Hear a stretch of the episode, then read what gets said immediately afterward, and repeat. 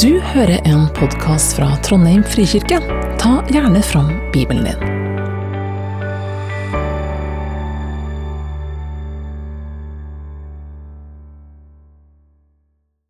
Jeg skal lese fra Matteus kapittel 5, vers 17-20. Tro ikke at jeg er kommet for å oppheve loven eller profetene. Jeg er ikke kommet for å oppheve, men for å oppfylle. Sannelig, jeg sier dere, før himmel og jord forgår, skal ikke den minste bokstav eller en eneste prikk i loven forgå, før alt er skjedd. Den som opphever et eneste av disse minste budene og lærer menneskene å gjøre dette, skal regnes som den minste i himmelriket. Men den som holder dem og lærer andre å gjøre det samme, skal regnes som stor i himmelriket. Ja, jeg sier dere, dersom ikke deres rettferdighet langt overgår de skriftlærdes og fariseernes, kommer dere aldri inn i himmelriket. Jeg vet ikke om jeg helt skjønner det sjøl, og jeg vet ikke helt om jeg kommer til å snakke om det. Men den SMS-en den, den peker jo på et, en utfordring som jeg tror det er flere enn han og meg som kjenner på. Og det er jo at mange sier at bergpreika er ei flott preike. Det er liksom ei rørende tale. og en, Vi beundrer Jesus som kan snakke så flott. Men jo mer vi leser, og kanskje er det iallfall sånn for meg at jo mer jeg leser, så ser jeg jo at det, er, det blir på en måte vanskelig også. Eh, det er ikke uten videre sånn at du bare tenker det var en fin og oppbyggelig tale. Det er utfordrende, og det er Jesus sier ting som kanskje vi lurer på hva betyr egentlig dette. Så jeg har tenkt som så at i dag skal jeg ta opp tre utfordringer i preika mi. Og Det ene er jo selvsagt hva er det Jesus mener med denne teksten som vi nettopp har lest. Men så er det et større spørsmål, og det er når Jesus sier, snakker om dette med, å, med å, å, følge Hans ord og gjøre etter dem, mente han det virkelig? At vi kunne leve etter det som han sier i bergpreika? Kan vi praktisere det som bergpreika og Jesus snakker om, i vår tid, i våre liv, i vår hverdag? Og Det tredje utfordringa eller problemet er jo i tilfelle Jesus virkelig mente det han sa i denne talen, hvordan skal vi da kunne gjøre det? Hvordan kan det skje? Ja, Det er det jeg har tenkt å prate om i denne talen i dag, da. så la oss gå rett på. Jesus er altså på et fjell. Han har samla rundt seg alle som vil følge han. Og det var en brokete forsamling. Det snakka vi om for 14 dager siden. Ei stor gruppe med fiskere, enkle mennesker, folk med forskjellige plager, fattige, utstøtte. De kom ikke bare fra eh, den jødiske delen av dette området, de kom også fra områder rundt Dekapolis, hedninger. Så ei, ei stor flokk med mennesker som var begeistra for Jesus, og som ville følge han. Og så overrasker Jesus dem radikalt med å si at salige er dere. Salige er dere. For Guds rike blir rakt nå fram til dere. Jesus kommer med det totale opp-ned-budskapet, sa vi, om at Guds rike er for de utstøtte, for de fattige, de som ikke har noe å bidra med. For dem kommer Jesus med godt nytt. At Guds rike er kommet nær, og nå er det tilgjengelig for dem. Og dere, sier han da, er kalt til å bringe dette riket ut. Dere vil bli forfølgt for mitt navns skyld, men ikke vær redd. Dere er lyset i verden, dere er saltet i verden. Og når dere bringer Guds rike ut, ja, så bringer dere fred, dere bringer shalom inn i en verden som er kaotisk. For dere vil bringe dette opp ned Guds rike, inn i en verden som er i kaos. En verden som tror den veit hvordan en skal leve og hva som er godt, men som ikke veit det. Nei, sier Jesus, Guds rike det er annerledes. Og Det forstår vi jo godt i forhold til det romerske riket, der penger og makt og posisjoner eh, regjerer. Men Jesus sier også at det er annerledes enn det religiøse riket som dere kjenner til gjennom fariserene og skriftlærde si undervisning. Og Det ser vi jo også på slutten av talen. De var slått av forundring, for Jesus talte med autoritet, ikke som deres skriftlærde gjorde. Og Når Jesus altså sier dette, eh, at Guds rike er for dere som sitter her rundt meg på dette fjellet, som ikke ble regna som spesielt religiøse eller spesielt fromme, ja, så må det jo ha vakt spørsmål hos de som hørte på denne talen her særlig de religiøse lederne. Kasta nå Jesus bort hele lova? Dette er jo ikke rett. Dette stemmer jo ikke. Og Jesus han svarer på en måte på en innvending i denne teksten. her. Han sier nei, jeg har ikke kommet verken for å kaste ut lova eller oppheve lova. Jeg har kommet for å oppfylle lova og profetene. Og hva mener Jesus med det? At Jesus på en måte oppfyller profetier, det, det, har vi vel på en måte Det kan vi på en måte skjønne. Iallfall til en viss grad. Men når Jesus sier han oppfyller lova, hva mener han da? Sånn som jeg ble fortalt i min ungdom eller i min uh, oppvekst, så var på en måte budskapet omtrent sånn Gud ga oss lova, eh, særlig de ti bud. Og han ville jo at vi skulle holde den lova som han ga. Han håpte at vi skulle følge den, for det var jo gode bud. Men det funka ikke. Mennesker klarte det ikke fordi vi var syndige. Og så kom Jesus, og han levde perfekt etter alle buda. Han besto prøven. Han holdt alle de 613 bud som en har telt opp i Det gamle testamentet. Eh, jeg har ikke telt, så jeg skal ikke være helt sikker, men de som har telt, sier det er 613 forskjellige bud og påbud, og Jesus han klarte alle. Er det det denne teksten mener? Er det det Jesus mener? Er det noen her som har eh, spilt Load Runner? Opp med ei hånd. Det var ikke mange. Tre-fire? Bra. Er flere. Fem. Load Runner eh, Jeg har ikke spilt mye dataspill. Og jeg har aldri blitt hekta på dataspill, bortsett fra Load Runner. Det ble jeg altså hekta på fordi jeg kjøpte meg en Macintosh i 1987. og da var Loadrunner selvfølgelig i svart-hvitt eh, og var på Mac. Og Det var et fantastisk spill. Eh, det er nesten sånn at Jeg får lyst til å ta det fram igjen nå, da, for det var så gøy.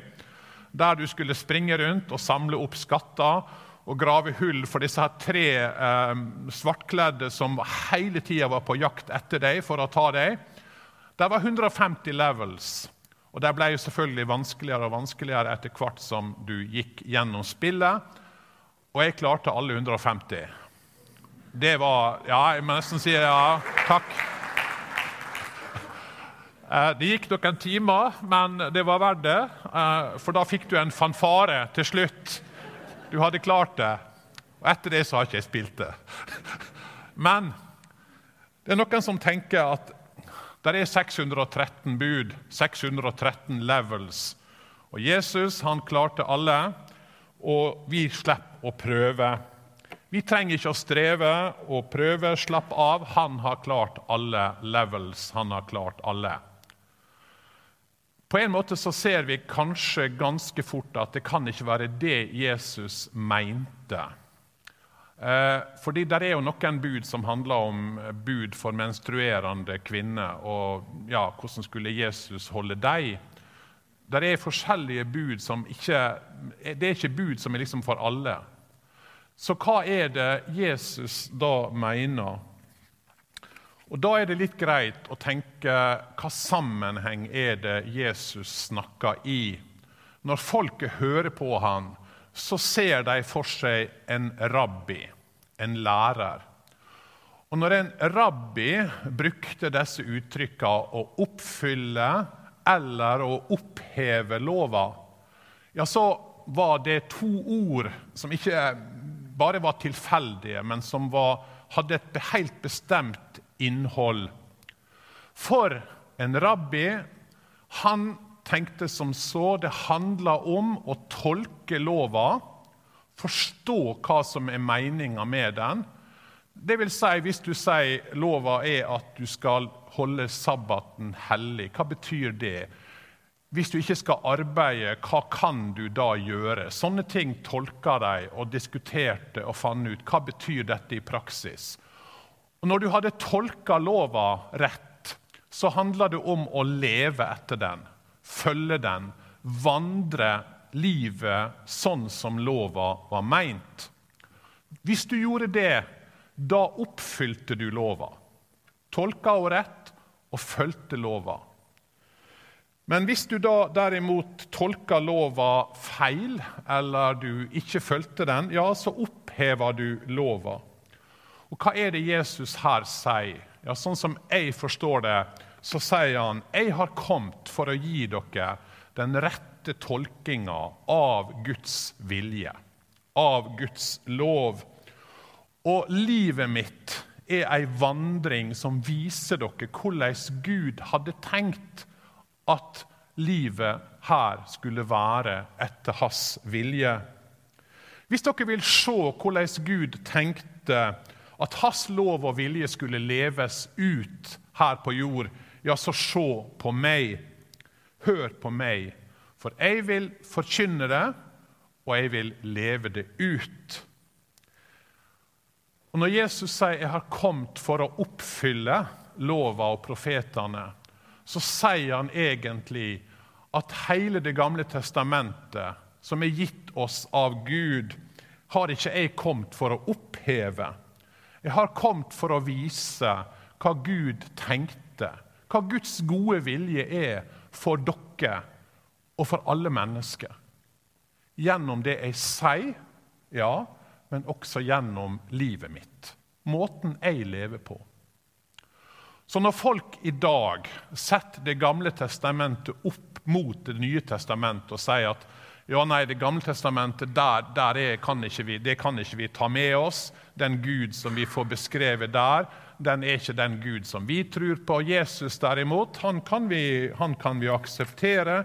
Så kaster en altså vrak på helt sentralt det Jesus lærte, og det Jesus formidla Nemlig at ikke den minste del av lova, ikke den minste del av Det gamle testamentet, ikke den minste strek, tøddel, skal oppheves, skal forkastes. Nei, sier Jesus, gjennom mitt liv og min undervisning ser dere det livet, den verden og den hensikt og den rettferdighet og den kjærlighet som Gud hadde tenkt da han ga oss lova og profetene, da han ga oss sitt ord. Og Derfor er også Jesus sier noe om at han anerkjenner de som ønsker å følge Guds gode vilje, og som lærer andre å gjøre det. Men da er vi opp over i det andre problemet som jeg sa vi skulle snakke om i dag, nemlig er da dette mulig? Mener Jesus virkelig dette? At vi skal leve etter dette som han sier i bergpreika? er bergpreika praktikabel? Når jeg vokste opp på bedehuset i Sykkylven, så var mye av forkynnelsen prega av at en forkynte at Guds lov var så fullkommen og så fantastisk og så umulig at du så på deg sjøl og oppdage at du svikta. Eh, den standarden som er, er så høy at jeg når aldri opp, så jeg er en synder som derfor trenger Jesu nåde og tilgivelse. Og på en måte så er det jo så langt så er det jo sant. Men hva da med alle disse orda som er kloke og vise og fornuftige, og som uttrykker Guds vilje i bergpreika? Mente Jesus at vi skulle leve etter det? Eller skulle de bare vise oss en standard som gjorde at vi falt ned på kne og si, 'Arme, syndige menneske som jeg er'? Mente han virkelig at dette var praktikabelt? Det er jo det han sier på slutten av talen, når han skal oppsummere det. så sier han det, det, det er to forskjellige måter å leve på, to forskjellige måter å bygge hus på. Det er de som har eh, et hus som er bygd på sand, og de som har et hus som er bygd på fjell. Hvem er det som bygger på fjell? Hvem er det som har et fundament i livet sitt som gjør at når stormene kommer, så holder det? Jo, sier Jesus, det er de som hører mine ord, og som gjør etter dem. Så Jesus må jo på en eller annen måte ha tenkt at dette var noe han ville vi skulle leve etter. Dere har fått anbefalt denne boka av Oskar Skarsaune. Jeg nevnte den, eh, og Lise nevnte den. og Den ligger ute til salgs på bokbordet ute. Eh, du kan ta med deg ei bok, og du kan vippse pengene. Gjør det hvis du er interessert i å få en fantastisk opplæring og forståelse av bergpreika skrevet av en som jeg tror er en av de beste fortolkerne som jeg vet om av dette. Men han sier, og han har formidla, at de første kristne de levde virkelig etter bergpreika. Ikke fullkomment, ikke perfekt på noen måte, men de delte av eiendelene sine. De delte pengene sine. De levde rent på det seksuelle området. De gjengjeldte vondt med godt. De elska fiender, snudde det andre kinnet til. Og det var utrolig attraktivt. Så attraktivt at den kristne kirka vokste enormt de første 200-300 åra etter Jesus. På slutten av 300-tallet var det så mange kristne i Romerriket at kristendommen ble statsreligion. Og Da oppstår det et problem, sier Skarsaune. For hvis alle var kristne, altså var, alle var døpt, alle var kristne, kan en da forvente at alle skal leve etter bergpreika? Det tenkte en det er umulig. Så Derfor ble bergpreika etter hvert et slags sånn ekstratillegg for de som var litt spesielt fromme, eller for de som levde i kloster, nonner og munker. De kunne, de kunne, gjøre dette, her, men vanlige kristne trengte på en måte ikke å Nei, dette her er ikke for dere. Og så sier Skarsteine, sånn ble det også i Norge, når alle i Norge ble, måtte være døpt. Du måtte jo være det for å kunne bo i Norge og konfirmert, og det var nattværtvang. Du måtte gå til nattvær én gang i året. Jesu disippelopplæring ble på en måte uaktuelt. Prøv å følge de ti bud sånn noenlunde, men det Jesus sier i bergpreika, det er jo ikke mulig. Så han ville være kristen, men han ville ikke være så veldig kristen. Og Det er også grunnen til tittelen på denne boka til Skarsaune, 'Etterlyst bergprekenens Jesus'. Har folkekirken glemt den? Og vi kan tilføye har vi glemt bergprekenens Jesus?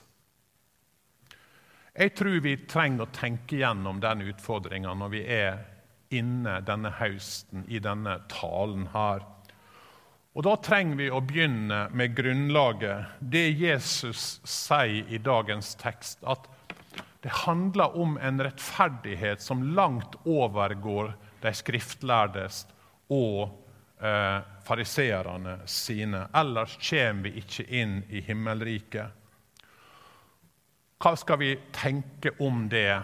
John Stott, som jeg har nevnt også, han tar utgangspunkt i dette når han skriver noe som jeg syns er ganske viktig og sentralt om det som vi nå snakker om. Han sier bergprekenens krav er ikke uten videre oppnåelig for ethvert menneske, like lite som de er uoppnåelig for alle mennesker.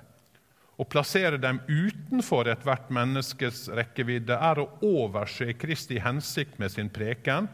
Å plassere dem innenfor alles rekkevidde er å overse den, overse den realitet som menneskets synd innebærer. Kravene er oppnåelige, ja, men kun for dem som har erfart den nye fødsel. Den rettferdighet Jesus beskriver i bergprekenen, er en indre rettferdighet. Mennesket er i sin natur onde. Matteus 7,11. Det finnes kun én løsning. La treet være godt og dets frukt god. En ny fødsel er grunnleggende. Og han peker på noe helt vesentlig som kanskje kan hjelpe oss til å la være å lese bergpreika verken med tåpelig optimisme eller med håpløs fortvilelse. Og Det er når vi forstår eh, dette som basis for bergpreika, at vi også kanskje forstår resten av Det nye testamentet, og særlig det Paulus skriver om det nye livet i Jesus. Særlig i romerbrevet så tar Paulus opp dette her. Han snakker om det nye livet i Ånden. Altså den som er rettferdiggjort i Jesus Kristus, har kommet på en, på en, måte på en annen plattform, en annen situasjon han sier først at for det mennesker av naturen trakter etter, fører til død, men det Ånden vil, leder til liv og fred. Det menneskene av naturen trakter etter, betyr fiendskap mot Gud. For vår onde natur bøyer seg ikke for Guds lov, ja, den kan ikke gjøre det. Slik menneskene er i seg selv, kan de ikke være etter Guds vilje. Er problemet lova, sier Paulus. Er problemet lova, spør Jesus. Nei. Er jeg kommet for å oppheve lova? Oppheve Det gamle testamentet? Nei, sier Jesus. Lova er god. Gud hadde gode tanker for livet vårt. Den forteller oss hvordan han hadde tenkt at vi skulle leve på den jorda som han skapte. Og Det interessante er jo at hvis du spør en jøde, så vil han si at lova, det er nåde. Hvorfor vil han si det? Jo, for han vil si som så det er nåde at Gud ga oss si brukerhåndbok, eller brukerveiledning, slik at vi veit hvordan dette livet skal leve. Og Derfor kan jødene feire det at Gud ga lova på Sinai, med glede og med jubel og med fest. Og Paulus sier det samme. Lova er god.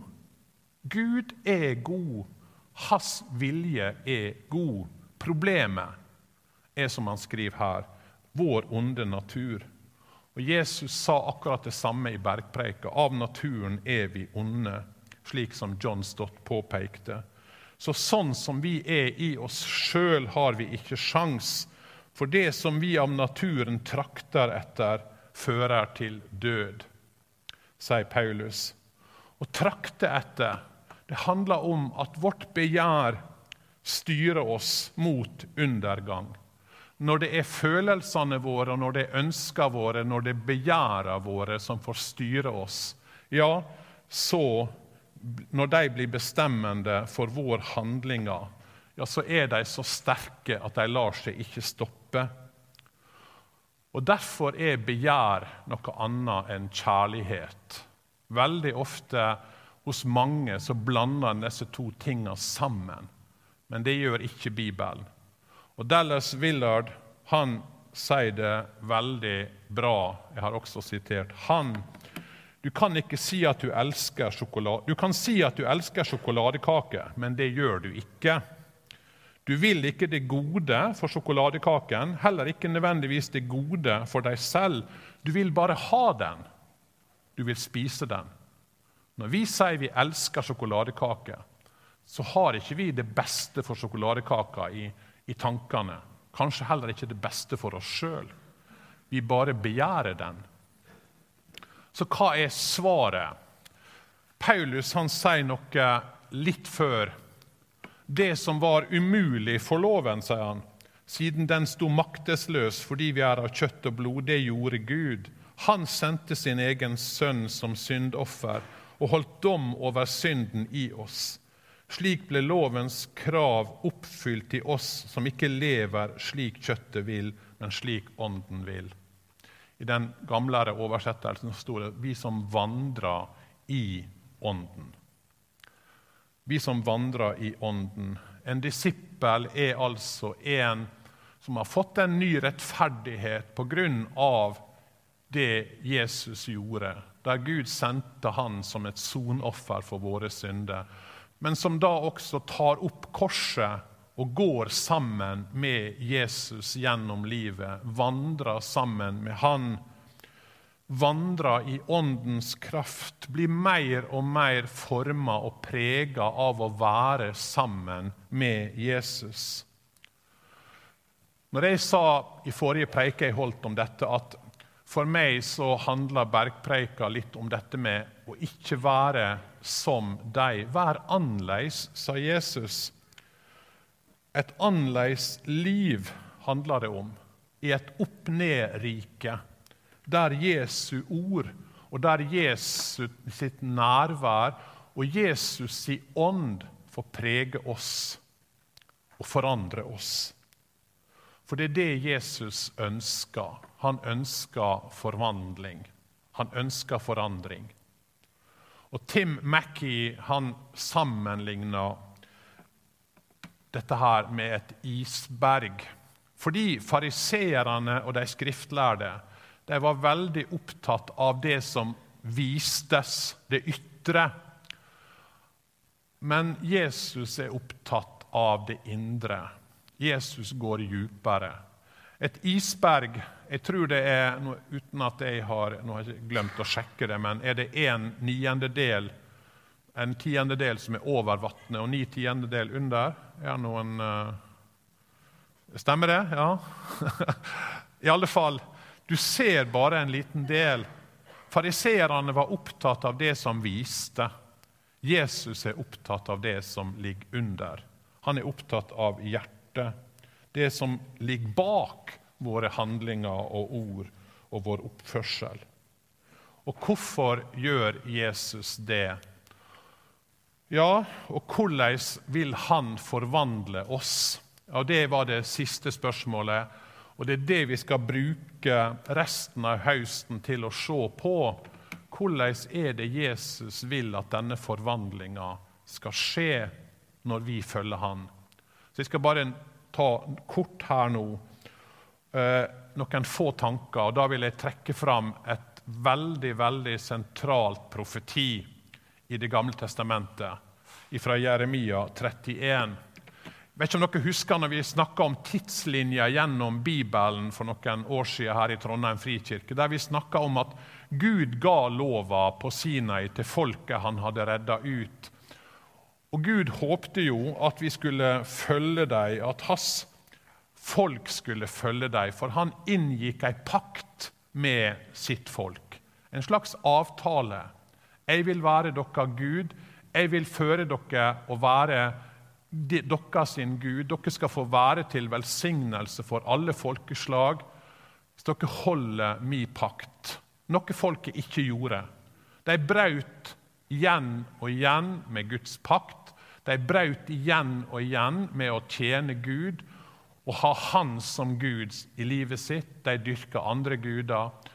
Og vi vet historien opp igjennom helt fram til Babylon, da folket endelig ble på en måte bortført Gud kunne da ha sagt 'jeg gir opp', eh, nå er det slutt på min tålmodighet. Isteden så kommer altså denne profetien gjennom profeten Jeremia til folket. Se, dager skal komme, sier Herren, da jeg slutter en ny pakt med Israels ett og Judas ett. En pakt som er annerledes enn den jeg sluttet med deres fedre, den gangen jeg tok dem med hånden og førte dem ut av Egypt. Den pakten med meg som de brøt, enda jeg var deres rette herre, sier Herren. Nei, slik er den pakten jeg vil slutte med Israels folk i dager som kommer, lyder ordet fra Herren. Jeg vil legge min lov i deres sinn og skrive den i deres hjerter. Jeg vil være deres Gud, og de skal være mitt folk. Da skal ingen lenger lære sin bror og sin neste å si 'Kjenn Herren', for de skal alle kjenne meg, både små og store, sier Herren. For jeg vil tilgi deres misgjerning og ikke komme i hu deres synd. Et fantastisk profeti, et fantastisk avsnitt. Det begynner, sier Gud, med et nytt hjerte et nytt fellesskap der lydighet ikke lenger er et krav utenfra, ikke lenger noe han pålegger som en vanskelig og vrien og krevende sak. Nei, en lydighet som springer ut av et nytt hjerte. Hvordan kan det skje? Jeg sier Gud, jeg vil inngå en ny pakt med dere. Og hva minner det deg kanskje på? Noe du har hørt før i gudstjenesta i dag? Hva var det Jesus sa på skjærtorsdag når han tok begeret og løfta det opp og innstifta nattverden? Han sa, 'Dette begeret er den nye pakt i mitt blod, som blir utøst for dere.' Jesus kommer med ei ny pakt, med tilgivelsens pakt slik Jeremia skriver, for jeg vil tilgi deres misgjerning og ikke komme dere i hu deres synd. Jeg tenker å bli tilgitt, ja, det er noe av det sterkeste vi kan oppleve som mennesker. Og det gjør noe med oss. Og jo større vi ser våre nederlag og våre feil, jo mer forandrer det også oss innafra. Det er mange av dere som har sett uh, musicalen uh, uh, De elendige, eller lest boka av Victor Hugo. Um, begge deler anbefales. En fantastisk historie om straffangen Jean Valjean, som begynner med at han slipper jo ut av fengselet. Han har sona en dom for en veldig liten forbrytelse. Han stjal litt brød for å gi til sine sultne barn. Til det så blir han altså straffa i mange år i fengsel og kommer ut som en bitter og hard mann, full av hat. Mens han har jo ingen plass å gå, så han tar inn hos en prest eller en biskop. Og Der får han nattely og vennlighet og godhet. Men han stjel av uh, biskopen sine sølv, uh, sølvting og rømmer og blir tatt og Så blir han tatt med tilbake igjen til biskopen for at biskopen skal bekrefte at uh, disse her sølvtinga som Jean Valjean har i sekken, er hans, og de er stjålne. Isteden så møter biskopen han med å si Der er du jo, min gode venn. Jeg ga deg jo alle disse gode og fine sølvtinga. Hvorfor tok ikke du også med de to lysestakene som jeg ga deg? Og så gir han han to ekstra sølvlysestaker. Og så er det en, en utrolig scene der. Og Den godheten og den tilgivelsen den forandrer jo Jean Valjean sitt liv. I stedet for et nytt fengselsopphold og en ny spiral nedover i mørket, så møtes han med nåde, overstrømmende godhet, og han blir annerledes. Og Da vil jeg bare avslutte med Paulus, fordi han møtte en overstrømmende godhet. Og det forandra jo livet til Paulus. Og Han sier et, et avsnitt i 1. Korinterbrev 15, noen ord som jeg har tenkt mange ganger på og kom tilbake igjen til mange ganger. For jeg, sier han, er den minste av apostlene. Jeg er ikke verdig til å kalles apostel, for jeg har forfulgt Guds rike, men ved Guds nåde er jeg det jeg er. Og Hans nåde mot meg har ikke vært bortkastet, for jeg har arbeidet mer enn noen av dem. Det vil si, ikke jeg, men Guds nåde som er med meg. Nåden har forandra meg, sier Paulus. Ikke til å tro at jeg er bedre enn andre. Tvert imot. Han sier jeg er den ringeste av alle. Jeg forfulgte Guds kirke. Jeg er den verste av alle. Men Guds nåde har gjort noe med meg. Ved Guds nåde er jeg den jeg er, kunne vi godt ha sagt. Det er det som nåden er i ditt liv òg det er den som er plattformen, det er den som definerer hvem du er, ikke dine feiltrinn, ikke dine nederlag. Og så sier han så gjør jeg jo da alt for å tjene Jesus. Når han har vist meg en sånn nåde, så gjør jeg alt for å tjene han. Og jeg arbeider mer enn alle, sier han. Ikke da vil si, ikke jeg, men Guds nåde som er i meg. Guds ånd som er i meg. Ikke å prøve av alle krefter å følge lova, men det springer ut av et nytt hjerte. Og Der er en jobb å gjøre, sier Paulus. Der er et arbeid å gjøre. Denne forandringa skjer ikke av seg sjøl. Vi kan ikke bare gå hjem igjen og si ja vel, vi er frelst, så da kan jeg bare fortsette å leve som jeg vil. Aldri i livet, sier Paulus. Hvordan kan du det? Nei, men det begynner med nåden, og det fortsetter med nåden. Den nåden som virker i oss til å arbeide, til å øve oss i Guds frykt, til å høre Guds ord og til å gjøre etter det, slik som vi skal nå resten av høsten se hva Jesus sier om livet som han ønsker at vi skal leve. Nåden åpner veien inn i Guds rike for deg og for meg. Det er et rike der Jesus vil at vi skal leve annerledes. Bli lik Han. Leve i dette opp-ned-riket, som er sånn som Gud virkelig hadde tenkt at vi skulle leve, og som er Hans gode vilje. Det begynner med Jesus. Det begynner med Han som har innstifta en ny pakt i sitt blod, som han ga til soning for alle våre synder.